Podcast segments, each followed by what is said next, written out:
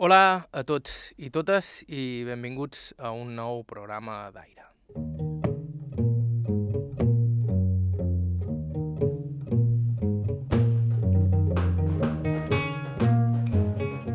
Quan anem a fer entrevistes mai sabem molt bé que ens trobarem. Al cap i a la fi, les entrevistes són com els melons, com et sol dir, i fins que no l'ensates, qualsevol suposició es pu esoterisme. Gent que sembla que té molt a dir, et conta poca cosa, i gent que arranca dient que ells mai han fet res important, et tenen meravellat durant hores i hores amb les seves anècdotes. Algunes completament inesperades i, per a mi, completament desconegudes, com la que m'explicava Ana Rosa fa un parell de dies, que la carretera que va de Porreres al monestir de Montición es va fer en un sol dia. La carretera la van fer en un dia. I cada any, i el 14 de gener, fan l'aniversari, fan una missa a Montición i, i fan l'aniversari. La Rosa ho sap perquè son pare va ser un dels porrerencs a qui varen cridar per participar en la construcció. En realitat, es va fer una crida a tot el poble i tot el poble va respondre. Però son pare d'Anna Rosa amb més raó perquè era mestre d'obres. Mon pare, que era mestre d'obres, agafaven homes i, i agafaven un tramo. Uns altres, un fora havien agafaven missatges o gent, i tenien, cadascú tenia aquell tramo per ell. Tot el poble hi era, tot, des del més petit al més gran. Tot el poble. Hi, havia, hi va quedar aquí, llavors teníem el, la parròquia, hi havia dos vicaris i un rector, hi havia més, més gent, llavors. I tothom, tothom va partir cap allà. Va quedar aquí un capellà, un vicari, per si hi havia qualque cosa de nou.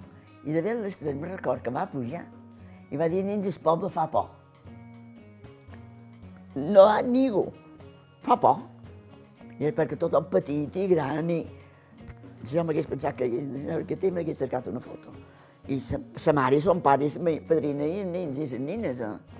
Jo, ma mare, tinc una foto, tinc una foto. I, perquè llavors omplien senades, els homes picaven i les dones tenades i a, a la part de fora tiraven tot el i hi havia feina per tothom. Tot el poble i na Rosa, que també hi era, amb la seva inseparable amiga, na Francisca Xinart. Jo l'he vist fer. No t'he dit jo que anàvem a, a un tramo que teníem a una volta, encara que em passava per aquí, qualque pic, aquí ni feien feina, però nosaltres no fèiem feina. Traginàvem aigua de dalt en els tramos, ara el tramo 7, i un altre tramo 7 fa estona, aigua perquè havien de picar la muntanya, no podies tenir un quilòmetre. Tu hi havia 6 o 7 metres, no crec que fos caient. Sí, no, no, una cosa així, més o menys encara que jo duc dins el cap. Però penso que començaven del camí fins a una certa altura. El resultat va ser una gesta que et celebra encara avui dia i cada any. La construcció d'una carretera en un sol dia, coses només possibles quan s'ajunta un poble sencer. En un dia la van fer, eh? van pujar per la carretera i van davallar. En un dia. Bé, ben feta no, ben feta no puja mai. Però, però camina sí, camina, camí sí. I no sé, ara ja no ho puc dir, això sí era més l'any que va venir davant, ara no ho vull dir, jo me recordava, ara ho havia pensat pues, en això, que era una temporada que la mare, passejava la Mare Déu de Fàtima, la Mare Déu de Lluc, anava de poble en poble, la panquera de la Mare Déu de Lluc, i ja va, la varen pujar per la carretera. Llavors, cada qual se cuidava del seu tramo, perquè llavors de la muntanya, llavors ja tenies aquell tramo, qualque dia, o qualque altre, no, no van estar massa temps a fer-la, a acabar-la. Anaven els dies que podien, i, i, en el seu tros, i l'altre se cuidava de l'altre tros. I, no, va ser un, d'això no molt, una gesta molt, molt, molt guapa. Una gesta molt guapa va ser. No vos sembla al·lucinant una carretera en un sol dia? Just per anècdotes com aquesta val la pena fer quilòmetres i quilòmetres i encalçar aquesta pobra gent com la Rosa, que sempre m'he demanat que deuen pensar quan un barbut enorme, ple de tatuatges, es fica a casa seva amb un micròfon i els comença a demanar. A Ana Rosa no li vaig fer aquesta pregunta, però sí n'hi vaig fer moltes d'altres. I avui escoltarem bona part del que ens va explicar. Valdrà la pena. Estau escoltant Aire a IB3 Ràdio, us parla Joan Cabot. Començam.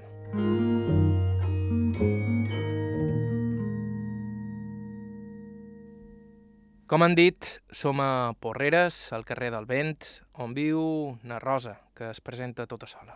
Non, Rosa Riera Mesquida vaig néixer el 16 de l'11 del 30. Si que ara, que no ben passat, vaig fer 89 anys. Només tenc una germana, que jo li guany de 5 anys.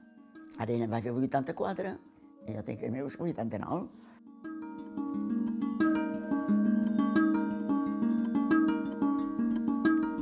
Com hem explicat també, son pare era mestre d'obra. Mon pare feia picapedrina, mestre d'obres. Mon pare era un, un, bon, un bon mestre. Era mestre, diguem-ne. No era constructor, era, era mestre d'obres. De fet, va fer aquesta casa. La varen fer i ja hi varen venir. Vull dir que jo ja hi vaig néixer. I ma mare, les seves feines de la casa, teníem un quatre finques, un parell de finques, Mon pare els de Conrai, ma mare anava, i d'aquesta manera.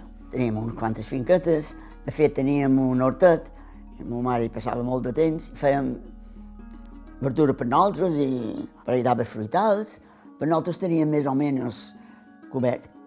I altres fora viles que conraven també. Més o menys com ens manteníem entre una cosa i l'altra, un temps tampoc no havíem de mestir tant com ara. Fèiem blat, quan tocava fer blat en els trossos que solen fer un any, i volíem... Ho feien tot. El que feien un temps, no feien res extraordinari.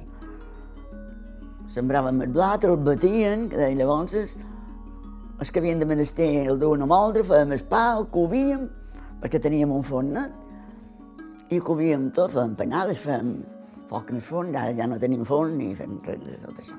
Això ha desaparegut ja fa estona. I jo ja vivia en aquesta casa. Sempre he viscut. Sempre. Mon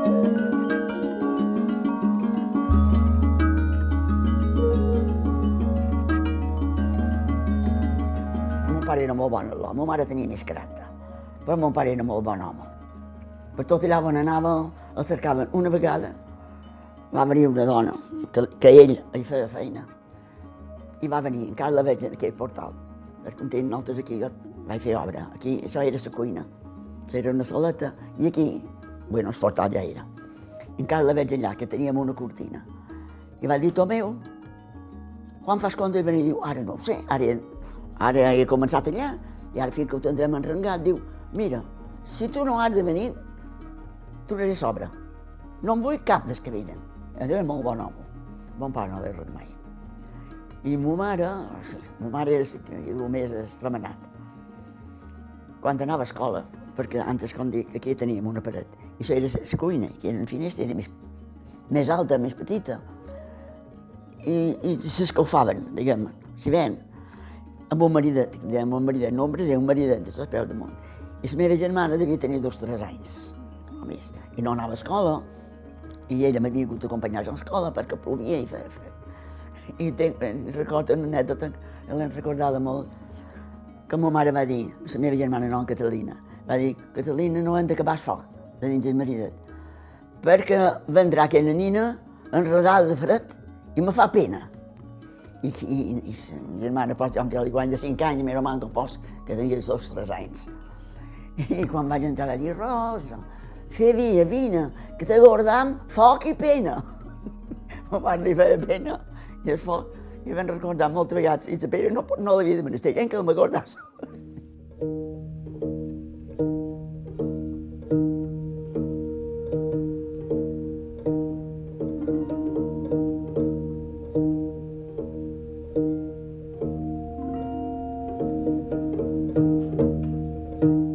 Pena potser no n'havia de menester, però no perquè li en sobrés. Na Rosa explica que, malgrat haver viscut la Guerra Civil amb sis anyats, la seva infància va ser, en general, feliç, sense grans estretors, encara que res sobrava. Penúries, penúries no, perquè va durar molt de temps, després de la guerra, que, que anàvem a la cartina de racionament. Anàvem a cercar la farina. I en la farina, en el forn, que donaven uns cupons. I, i en la farina que duem, que mos tocàvem, hi entraven 200 grans de farina groga. Devia ser de maïs, m'estic suposant. No la van dur mai, la farina groga, perquè ni les gallines no la volien. I la deixàvem en el forn. I la madona del forn, fornera deia, no n'hi ha qualcuna que, que els faci un bon favor. Home, ja no saben ni què de s'endú. La, la donaven és que... Més o manco, sense tenir de més, perquè no, això no vol dir... Sense tenir de més, van tenir lo, lo bàsic. Mon pare era molt amic d'un batle que hi va. I havien d'entregar blat, en aquell temps. I mon pare va dir, mira, jo no te n'entregaré ni un quilo de blat, perquè l'hem estat per nosaltres, el que hem estat per jo, no m'he de donar a un altre, que a més risc, a risc que donin. I no vàrem entregar mai blat.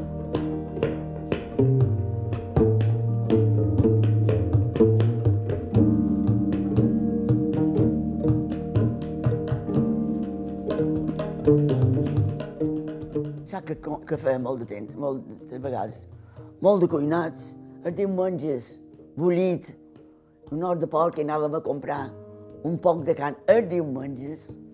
Els ossos de porc, del porc que mataven, quasi quasi en teníem fins a Pasco, sense quasi. Els, els dissabtes ser costa de, de molta de gent, no és que fos exclusiu d'aquí. Els dissabtes vespre sopaven de frit, anàvem a comprar frit. Però més carn, se'n venia poc, jo vaig anar, ja tenia de 9 o 20 anys. El diumenge i el dimarts, que és el dia de mercat, anava a despatxar a un estany. I anava dimarts de matins i diumenges de matins. I de tot d'una que anava,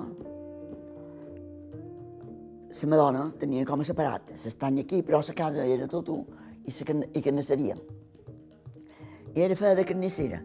I per matar dos o tres mens la setmana, hi havia feina de vendre-los. La gent no, no era com ara. Tothom matava porc, menjaven el que teníem, llavors per, per, per comprar unes sabates havien de pensar, la tira, aquesta encara no se pot dur. Bé, però si no havia de canviar bé en comprar una sabata i pareixia que havia guanyat el món i la bolla. Passàvem virgut de viure. Només que anàvem a escola a casa, a casa monges. Una excursió que fèiem a Monticion, per les verges aquí davant, a l'altra part del carrer, al carrer de Can però ben frente, però a l'altre carrer hi havia una matança. I els botifarrons s'acabaven, ja compràvem el botifarrón per anar a Monticion. Una il·lusió, només d'anar a Monticion, i fèiem anar a dinar a Monticion a Patraleca. I en canvi passava, passava gust. Anar un dia d'excursió a Randa, i què te diré jo? Una monada. I ara tot és de més, i, i tot sobra, i, i tot falta.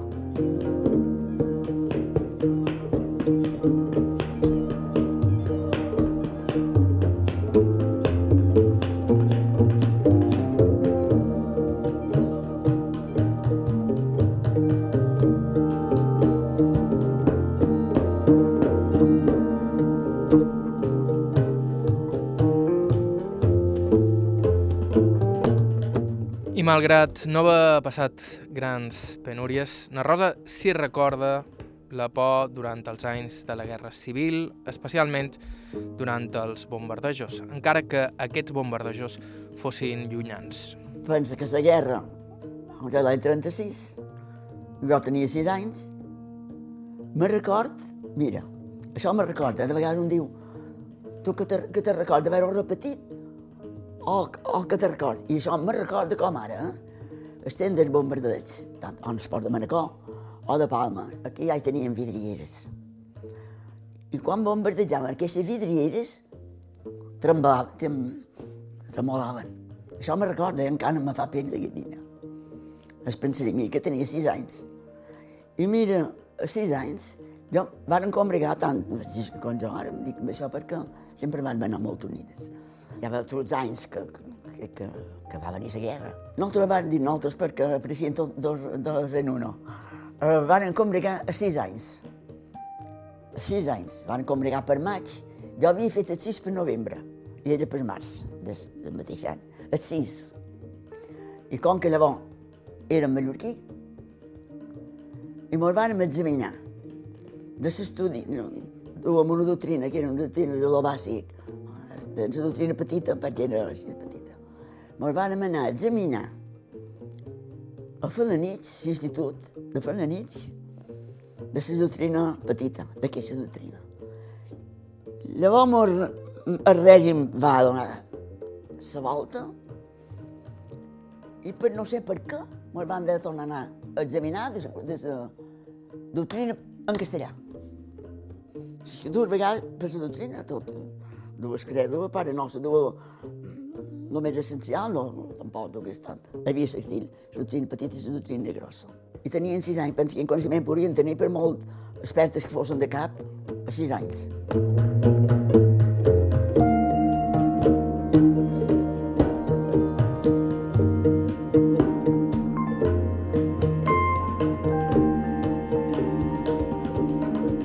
La Francisca de qui parla és na Francisca Ginart. Uh, na Francisca l'havíem entrevistat uns dies abans d'entrevistar na Rosa. Totes dues han estat amigues tota la vida, tot i que han viscut vides completament diferents. Això sí, durant els anys que van anar a escola i uh, totes dues els encantava anar a escola i varen anar molts anys, competien una i altra per veure qui era la millor estudiant. Sobre els estudis de totes dues i altres històries en parlam en una estona. Estau escoltant Aire a IB3 Ràdio, fem una breu pausa i tornem.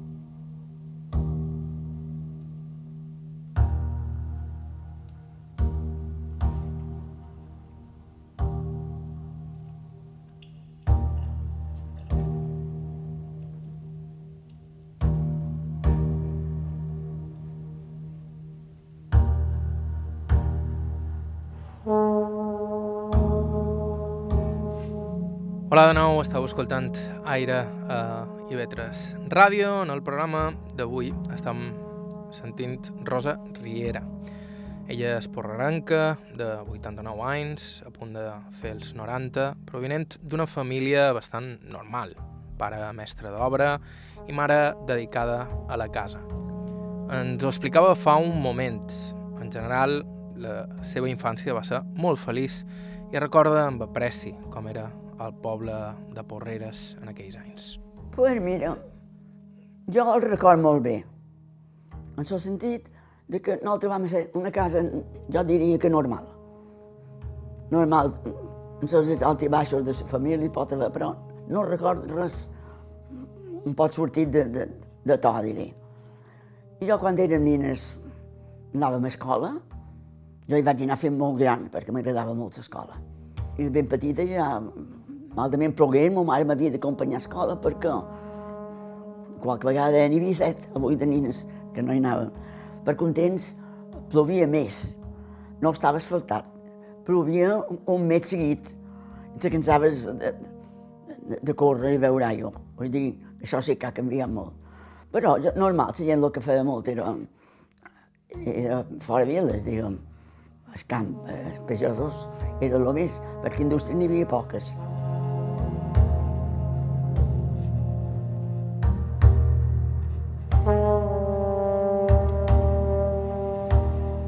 En tot cas, na Rosa tenia les seves peculiaritats. No era una nina ben bé com les altres. D'entrada, li encantava estudiar, molt, moltíssim. Amb la seva amiga Francisca Ginart varen allargar els estudis tant com varen poder, fins als 18 anys, que era una cosa insòlita en aquella època. I, de fet, na Rosa tenia decidit que de gran volia ser mestra d'escola. Desgraciadament, en aquells temps, una lota de poble no sempre podia decidir lliurement què volia ser. Volia ser metge d'escola, jo. Volia ser metge d'escola. I quan havia de ser mestra que teníem allà, ma mare, ja dit ma mare dues, un poc en mando, perquè jo mon pare no tinc record que digui res mai d'això. I va venir la mestra i ha d'estudiar una rosa. té, té possibilitats i ha d'estudiar. No, no, no, no. Uh, L'aturareu, perquè a ella li agrada això. De fet, més normal que la feina la vaig enganxar un poc de molt tema. Però, clar, oh, m'havia d'anar a estudiar a Palma. Jo m'havia d'anar a l'institut a Palma. Una nina de 15 anys o 16 o 14 o X. A Palma en aquell temps. Que va... No, no, no. Va venir dues vegades aquesta dona. I no ho va aconseguir. No ho va aconseguir. I en canvi, la meva germana me guanya de 5 anys, o a l'inversa, li guanya 5 anys, i ella va voler estudiar, no, però va fer corta i confecció i se'n va anar a Palma. En 5 anys va haver canviat. I jo no vaig poder anar. Sí, sí, no poden comparar el mateix amb el d'ara. No ho poden comparar. Perquè un temps, en aquesta edat, ara, diria, si no ho voleu, jo me n'hi vaig. Jo vull fer això i me n'hi vaig. I llavors baixaves el cap. És així, perquè era així. Jo llavors, com que teníem feines, i ell tenia feina fora de l'estiu, jo era més gran, i la Rosa a, a, a aixecar meles, teníem una finca en fora, fora, i llavors teníem una bestieta, teníem una higueta i un, un carro. No un carro de fora vila, un carro, però. I en aquesta finca, aquesta, hi havia molt de garroves. I com que el de garroves aviat són plens, eh, anaven dos o tres dies a aixecar garroves perquè en tenia la carretada havien de venir a buidar i fins demà no hi tornaven. I vaig arribar a agafar una tírria i un rabi, diria jo, llavors, a fora vila, que encara per passejar i tot no me fa ganes d'anar per fora vila. Mira si en vaig. I, I crec que tot això era per això. Si eren aixecar meles, o, o tot eren meles, o tot eren pedres. Me marejava, amb una paraula. I la meva germana, més petita, llavors va cosir. I una rosa va ser la víctima de la casa. Hombre, me va saber molt de greu, però llavors tampoc no era de dir, no, és que jo hi vull anar. Vull dir, jo veig que ho vaig passar, jo no ho vol, ni de dol. I van seguir anant a escola dos o tres anys més. Aquí que hi vaig tot quan dir. I van seguir anant. Ja era perquè no me'l van voler pus, perquè eren massa grans. Perquè jo tinc present que quasi, quasi, me penso que tenia d'haver de 8 anys, no escola, escola, però llavors, això, llavors anava amb, amb altres grupets i feien com de, de, de, de l'avió que t'he dit jo. La qüestió era estar a l'escola.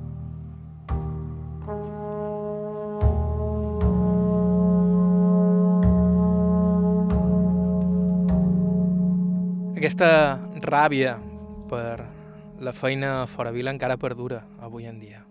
Imagineu-vos la tírria que na Rosa li va agafar. Jo ho vaig passar molt malament, és que ets parell d'estius. Que parell de bastants, eh? I parell de bastants, ja dic.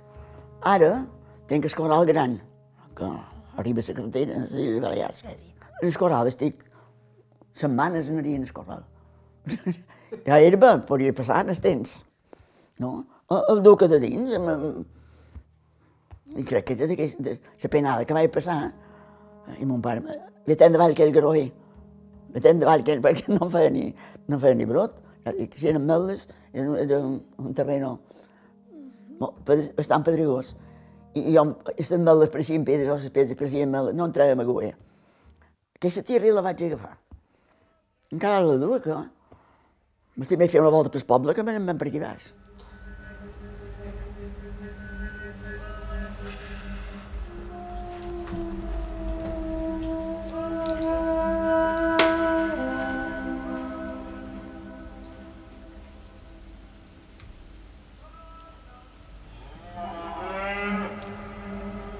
Estudiar va ser la gran passió de na Rosa Riera, com acaba d'explicar la seva amiga Francisca Ginart, i ella sempre varen disputar-se el lloc de millor alumne fins que ja eren ben bé adultes.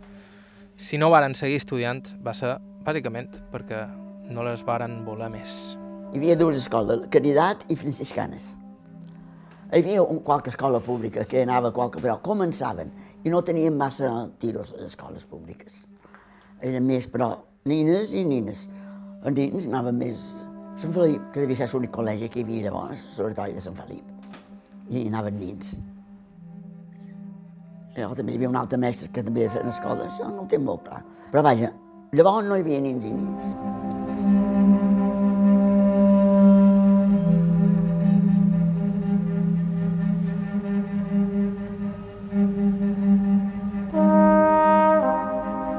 Juntes perquè son pare era guàrdia. I jo d'aquí passava per content, de la Guàrdia i me n'anaven del dia nou juntes. I, I una vegada, no sé qui, va dir, i, i vosaltres dues, i vosaltres quines sou? Quina és més major l'escola de vosaltres dues? I una, digué dir, és ella, perquè jo no sé en què aquestes tan acertades, diu, escola, quan tu anaves a primera, altra a segona, perquè no eren plus. Devíem anar una mica a sortir dels altres i anàvem totes soles. Sí, no, me recordo, i una vegada ja eren molt grans. Feien el crèdit ballar, feien la finca, i ja eren grans, perquè un pic podria fer la cera. I no van passar. I me va dir, moltes dues, gandolasses, més valdria anar a cercar meldes en lloc d'escola. I és que ja eren grans per, perquè no, no anaven la gent. La gent no anava a escola fent tant, tant, tant de temps. A nosaltres hi van ser molt bones amigues.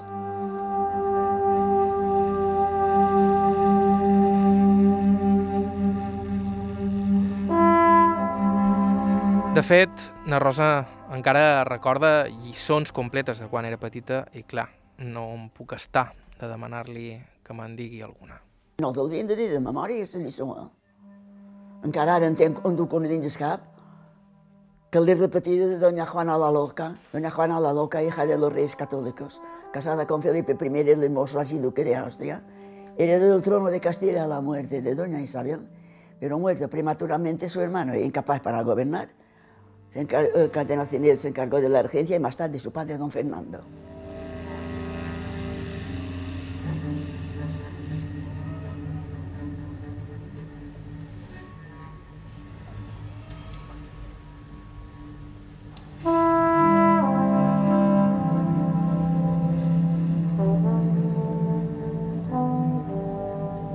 Però no tot era estudiar. La Rosa m'explica alguns dels jocs que jugava de nina, els jocs habituals en aquells anys, sobretot en els patis de les escoles.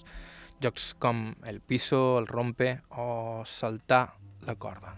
Jugàvem, quan anàvem a escola, jugàvem figures o agues. Jugàvem agues, un temps jugàvem moltes dones en mocadors i per aquí, això, duen gules de carn negra. No sé si estàs conegut mai i jugàvem a gues. I en la punta de les gues s'havien de cruzar, i truc, i truc, i d'aquesta manera. Si són figuretes, estampes o figures que venien, eh, sempre venien unes, unes tabletes de figures que podies retear, de muñequetes i de floretes, i tiraves en terra i sí, salta te guanyava, guanyaves. Ens posàvem damunt una cera i antes d'anar a casa teva, quan sortíem d'escola, jugàvem a gues i, i piso i uh, a comba, a Juli, que tenen altre llavors a la corda.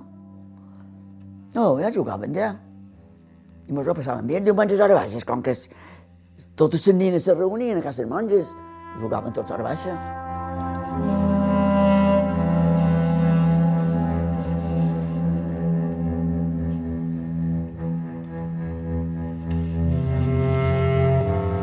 I a més d'aquests divertiments, hi havia el cinema. A Porreres n'hi va arribar a haver tres de cinemes, dels quals només en queda un, encara que és l'actual auditori, i ja no s'hi projecten pel·lícules. En tot cas, Na Rosa sempre ha estat més de la coral i les comèdies. En el cine no hi anàvem gaire, perquè no ho volien gaire. Eh? Jo en vaig veure tres, de tot d'un no havia respost. Jo en vaig veure tres. Can Gornals, Can Gelat i Can Boterí, que li dèiem, que és que ara va quedar. Que ara és, és l'auditori fan de tot, bueno, menys cine. Però l'Ajuntament del Tegui fan, fan, van fer molta d'obra i no, està bastant bé. Molts passejàvem per diumenges, el nostre entreteniment i el nostre joia anar a passejar per passeig. Un temps ens passejàvem per plaça per l'avenida, la plaça de l'església a la sala, de la sala a l'església, per amunt i per avall, per avall i per amunt. I allà fèiem novietes si sortien i prendre un gelat, etc.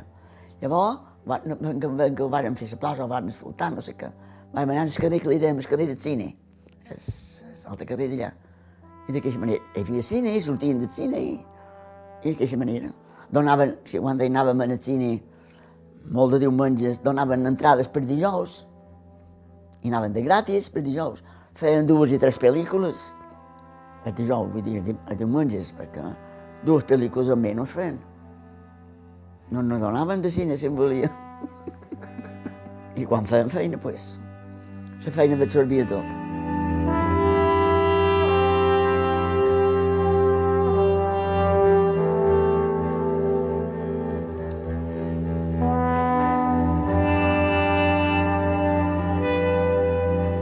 Música, mira, jo de música m'agrada molt, la música, m'ha agradat molt.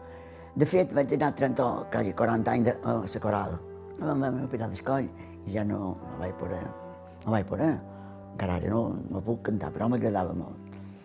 Vaig anar a la coral, encara n'hi ha un parell, encara que abans que ja anava.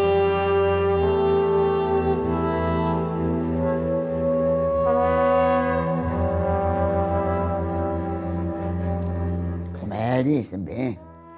Comèdies, sí. Vam fer moltes. Moltes, perquè no hi havia secció catòlica. I, i, i la nina de l'escola, com que tot tenia una cadena, s'apuntaven a secció catòlica, s'apuntaven en, en estriduors i quarantoles que feien a l'església per tot anava allà mateix. I comèdies en fèiem, i els fèiem aquí en el centre, que ara és un restaurant. Hombre, moltes dobles menorquines. Van fer en Joaquín, en Joaquín Carvengut de Prim, que era capellà de Manacor, el tio Pet se'n va a Muro, que eren dues comèdies molt, molt, encara per Manacor encara els van repetint qualque vegada. Jo no m'agradava gaire, però jo no he estat molt d'aquelles d'anar endavant. No. Darrere, darrere, sí. I si el paper era petit, millor. Per cert, que aquell que vaig fer de, d'en Joaquín, que ha vengut de prim, el del tio Pep per mi. El tio Pep per mi. El tio Pep se'n va a Muro. Vaig fer com a de principal, era una que ni deia Bernadina. I, i, i coral que cantava, són bones comèdies. Són bones comèdies. Passava gust el temps que ho fèiem, eh? perquè disfrutàvem.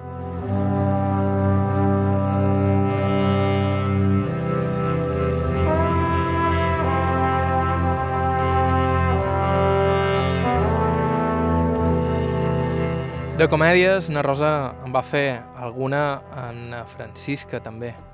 Això ho tenien en comú, això i que totes dues són fredines i no s'han casat mai. I no va sortir, so- quan va hora no va sortir que volíem. No, és que mos agradava. Jo en vaig tenir, vaig tenir dos, un que va a venir aquí, però van rompre i ja està. Això és la vida, és així. És així, no? Ara, ara no, germà. Ara no és igual, jo dic ara molta diferència. I, pues, que, i llavors te, te, coneixies per passeig. Anaves i venies i venien, llavors teníem soldats en el Puig. Hi havia un polverí hi havia soldats. I en aquesta temporada de nosaltres joventuts anàvem de soldat per amunt i per avall i tot tenen soldat per passeig. I una vegada, un dos del loc que venien amb nosaltres, eh, el soldat, no sé, se varen discutir amb ell, i és, un dels quals va dir, el que venia de vora jo, calla, que tu, per mi era mallorquí, i va dir, tu tens sang, sang de peix. I que devia estar calmat, i que quan va sentir de peix, se van aferrar. Res, vull dir, tonteries, però vaja.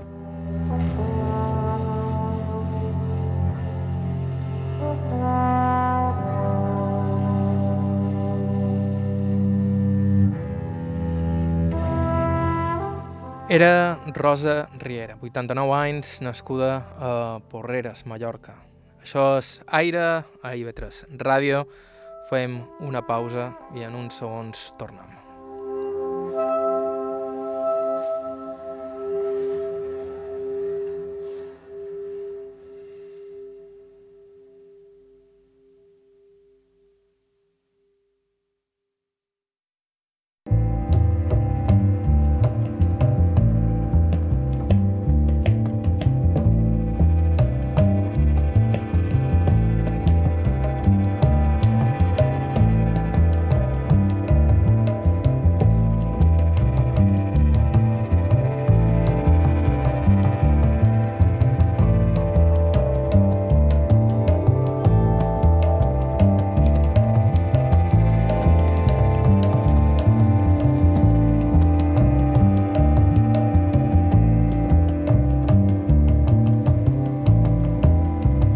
Hola de nou, continueu a la sintonia de IB3 Ràdio, estàu escoltant Aire. Avui amb la primera de dues entrevistes que hem fet en els darrers dies per Porreres, a Mallorca, a dues amigues de tota la vida, Rosa Riera i Francisca Ginart. Avui estem escoltant a Rosa i la setmana que ve escoltarem na Francisca, que també ens va enamorar. Abans de continuar, però, vos recordam que sempre estem cercant testimonis, gent que ens pugui parlar de com eren les coses abans, o hagi viscut fets insòlits, gent major en general. Si heu escoltat el programa un parell de cops, segur que vos feis una idea de quin tipus de gent cercam entrevistar. I si teniu alguna proposta d'entrevista, ens podeu escriure a aire.ib3radio.com o bé deixar-nos un missatge al 971 13 99 31. També podeu contactar nosaltres a través de les nostres xarxes socials. Amb la Rosa vàrem parlar de moltes coses, de com va ser la seva infantesa, de la seva amistat amb la Francisca, aquí escoltarem la setmana que ve, del seu gust pels estudis i de la seva intenció frustrada de ser mestra d'escola. La Rosa també ens va explicar que li hagués agradat fer feina a l'Ajuntament, sempre feines que impliquessin fer servir el seu bon cap. Tota la vida he fet el mateix. També m'hagués agradat una cosa que llavors tampoc no s'estilava, perquè no tenen homes. M'hagués agradat molt estar a estadística, a l'Ajuntament, això. Eh, números m'han agradat sempre. No va poder estudiar per mestre, ni va entrar a l'Ajuntament. Na Rosa es va quedar a Porreres, a diferència de na Francisca, que va recórrer mig món, però al poble mateix trobaria una feina que tornaria a demostrar el seu bon capet i la seva habilitat amb els números. Indústries de les altres que jo recordi més enrere pot ser, perquè tampoc no. Però jo vaig anar, hi havia una fàbrica de punt, de punt d'això. I jo hi vaig anar, però vaig començar que ja tenia una trentena d'anys, ja no era jove, que de jove fèiem coses en Francisca donava per brodar així a mà, i van fer molt temps feina, quan hi havia fem i quan no hi havia no fem, i, i llavors jo ja dic que tenia, no sé si els havia complits, però hi havia una fàbrica que començava de punt. Començava, va començar quasi quan jo hi vaig anar, perquè l'amo de la casa diré, tenia una màquina, i feia d'aquelles màquines contents, feien així en mà, feien punt en sa mà. I, i la seva dona feia altra cosa, però per fer més roba d'infant petit. I aquest home va venir a a veure si volia anar per dur un pocs comptes. Dic que jo no tinc noció de molt de comptes. Vaig fer lo bàsic. Si mateix vaig anar, perquè com que m'agradava molt, vaig anar vespres, per ahir divendres, a una lota que era mestra d'escola a fer un poc de comptabilitat, perquè els números sempre m'han agradat molt. I vaig dir, jo no sé res, dic, però... Diu, no, no, però jo m'agrada, vaig venir l'altre dia, i vaig dir, aquesta lota m'agrada no havia fet res d'això. Dic, ho puc provar. Vaig anar a tenir una amiga que s'havia casada i, i ell era perito mercantil.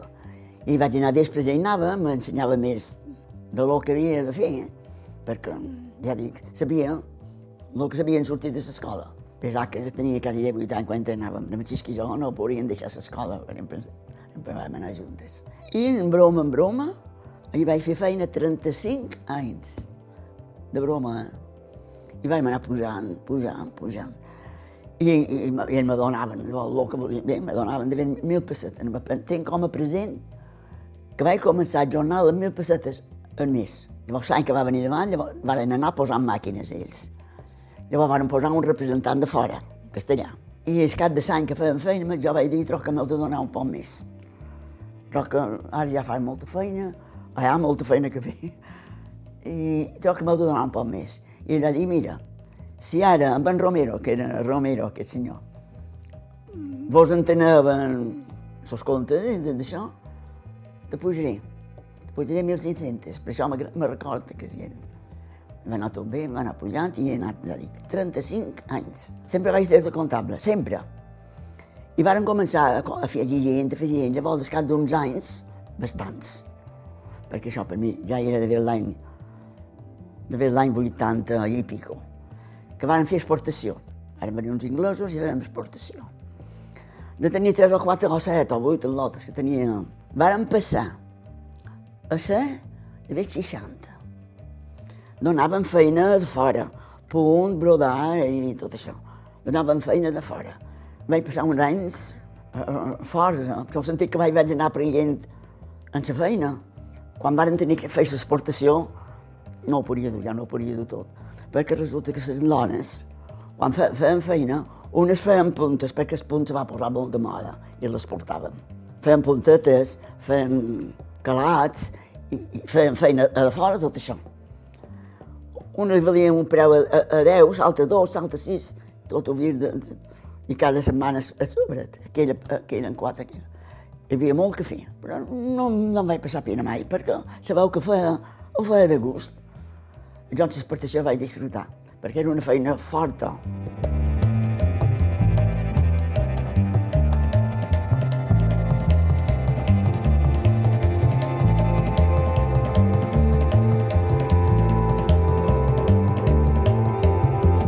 Necessitàvem més gènere, havíem d'anar a Barcelona i l'amo de qui vam fer feina estava un poc delicat de salut. I, i duem el gènere de Sabadell i de, i de Terrassa. I la Madonna i jo, cada any dues vegades almenys a, a Terrassa, a Sabadell, i mirar mostradors, i mirar... I ella era una dona que mostràvem a mostradors i feia quatre dissenys, quatre retxes, i, i un dia la Madonna diu, no t'apareix que si l'amo se moria perquè estava delicat un poc. Eh, me'n sortiríem, dir, que vos pareix a vos. I una vegada, ja estàvem a ple, vull dir que ja era quan estàvem, venia un representant i tenia molta confiança, perquè feia molt d'any que venia. I una vegada, la Madonna, que aquí eren l'amo i la Madonna, eh, la Madonna quedava aquí i va anar l'amo a Barcelona. I de fer que... El resultat va ser que el representant va venir aquí, aquí la Madonna va firmar, aquí, lletra que la fem feina en lletres de canvi, tot eren lletres i xeques, per una partida d'un gènere que l'amo va comprar allà i que la Madonna va comprar aquí. La Madonna va firmar aquí i l'amo va firmar allà. Per la mateixa partida. No ho varen saber fins que llavors va venir i ja està. No ho varen saber. No va estar gaire perquè les lletres venien. I un dia dic, jo per mi això, aquesta partida, ja per mi ja he pagat. I quan va venir, que venia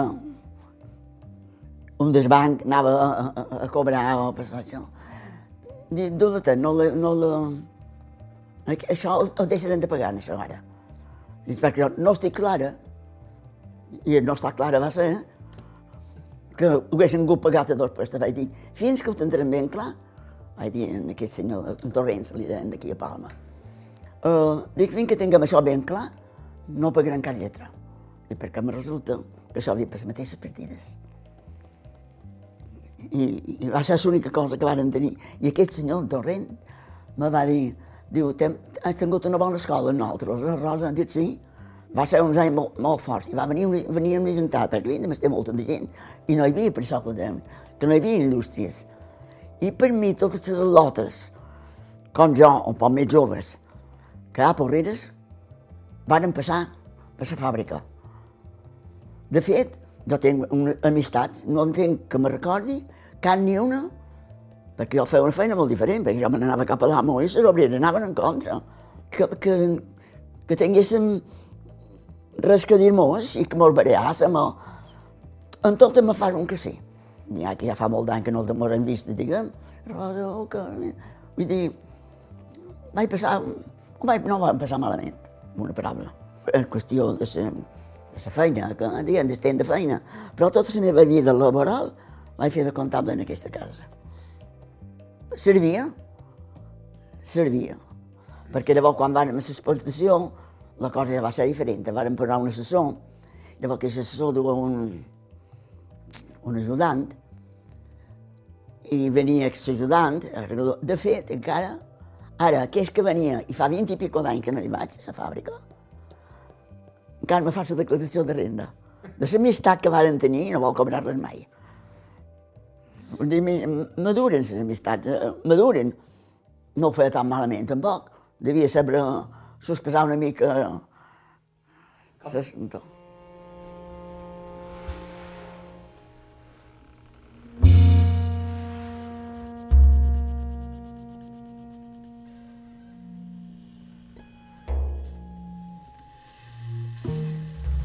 Parlant de les obreres, una petita anècdota per fer-se una idea de com era el treball en aquells anys. De cada cop s'estila menys, però llavors era generalitzat fer feina els dissabtes de matí. I a la Rosa li va venir molt de nou que, quan es varen abolir els dissabtes a la feina, les treballadores no s'ho prenguessin com ella esperava. El dissabte de matí anàvem a fer feina. Les dones que venien de, que ja havien començat d'enrere, els va costar una penada no fer feina el dissabte de matí. Una, una feinada, i no sabem què hem de fer. I aquí volen anar cada, tot el dia, i dissabte no sabeu què hem de fer. I havíeu de fer dissabte el dinar de matí cada dia, cada dia, dissabte que teníem un poc llibre. I quan van posar diverses hores baixes, sí que no te diré. Bueno, estaven desesperades, clar. I mira qui, quines coses, en lloc d'estar contentes, veus que tenia un poc més de llibertat. I és que les coses, les persones canviant en el món, canviam en el món, no sé què de dir.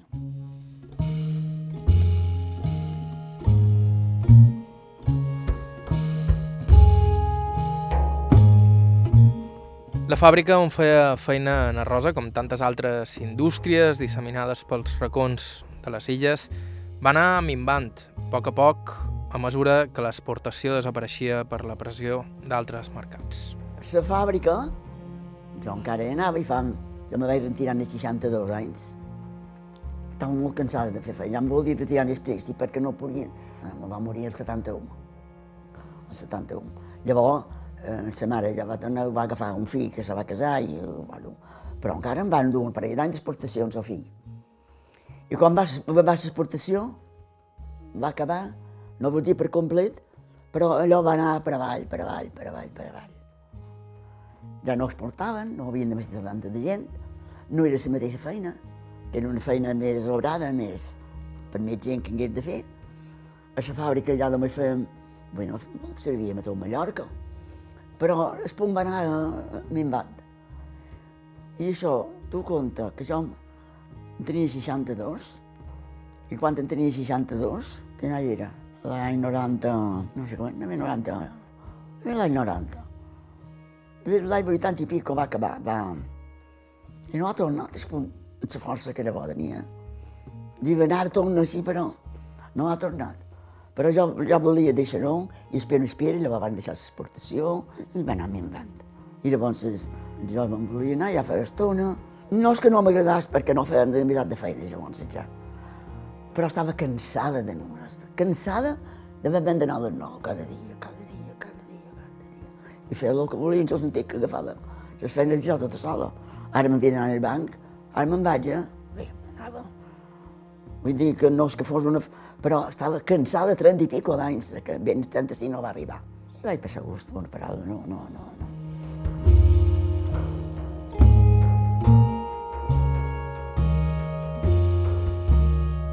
He notat molt, molt de, canvis, qualque vegada en parlam, eh, però no van passar malament. Hem vist els canvis, hem anat agafant, agafant, i jo, eh, eh, eh, juntar-nos a lo que ha, una paraula, no, jo estic molt contenta de la vida i de la vida que van dur un temps, en aquest sentit. Ara no serà tan feliç la gent.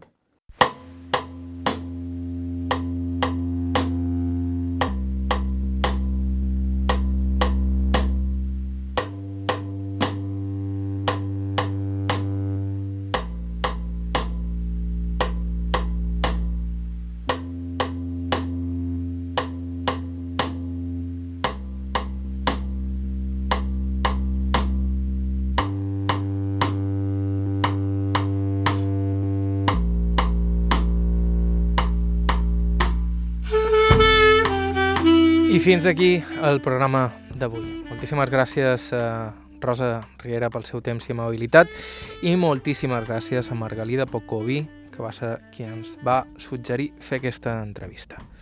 Ja hi som, vos recordam un cop més que sempre estem cercant testimonis, així que si ens voleu proposar alguna entrevista ho podeu fer per correu a aire.ivetresradio.com o deixant-nos un missatge en el 971 13 99 31. Si vos voleu subscriure al podcast del programa ens trobareu a iTunes i de més serveis similars i l'arxiu complet del programa el teniu a ivetresalacarta.com. Aprofitant per comentar-vos que també ens podeu seguir per Facebook i Instagram. Bàrbara Ferrer a la producció executiva, Iker Hernández a la producció tècnica, vos ha parlat Joan Cabot. Fins la setmana que ve.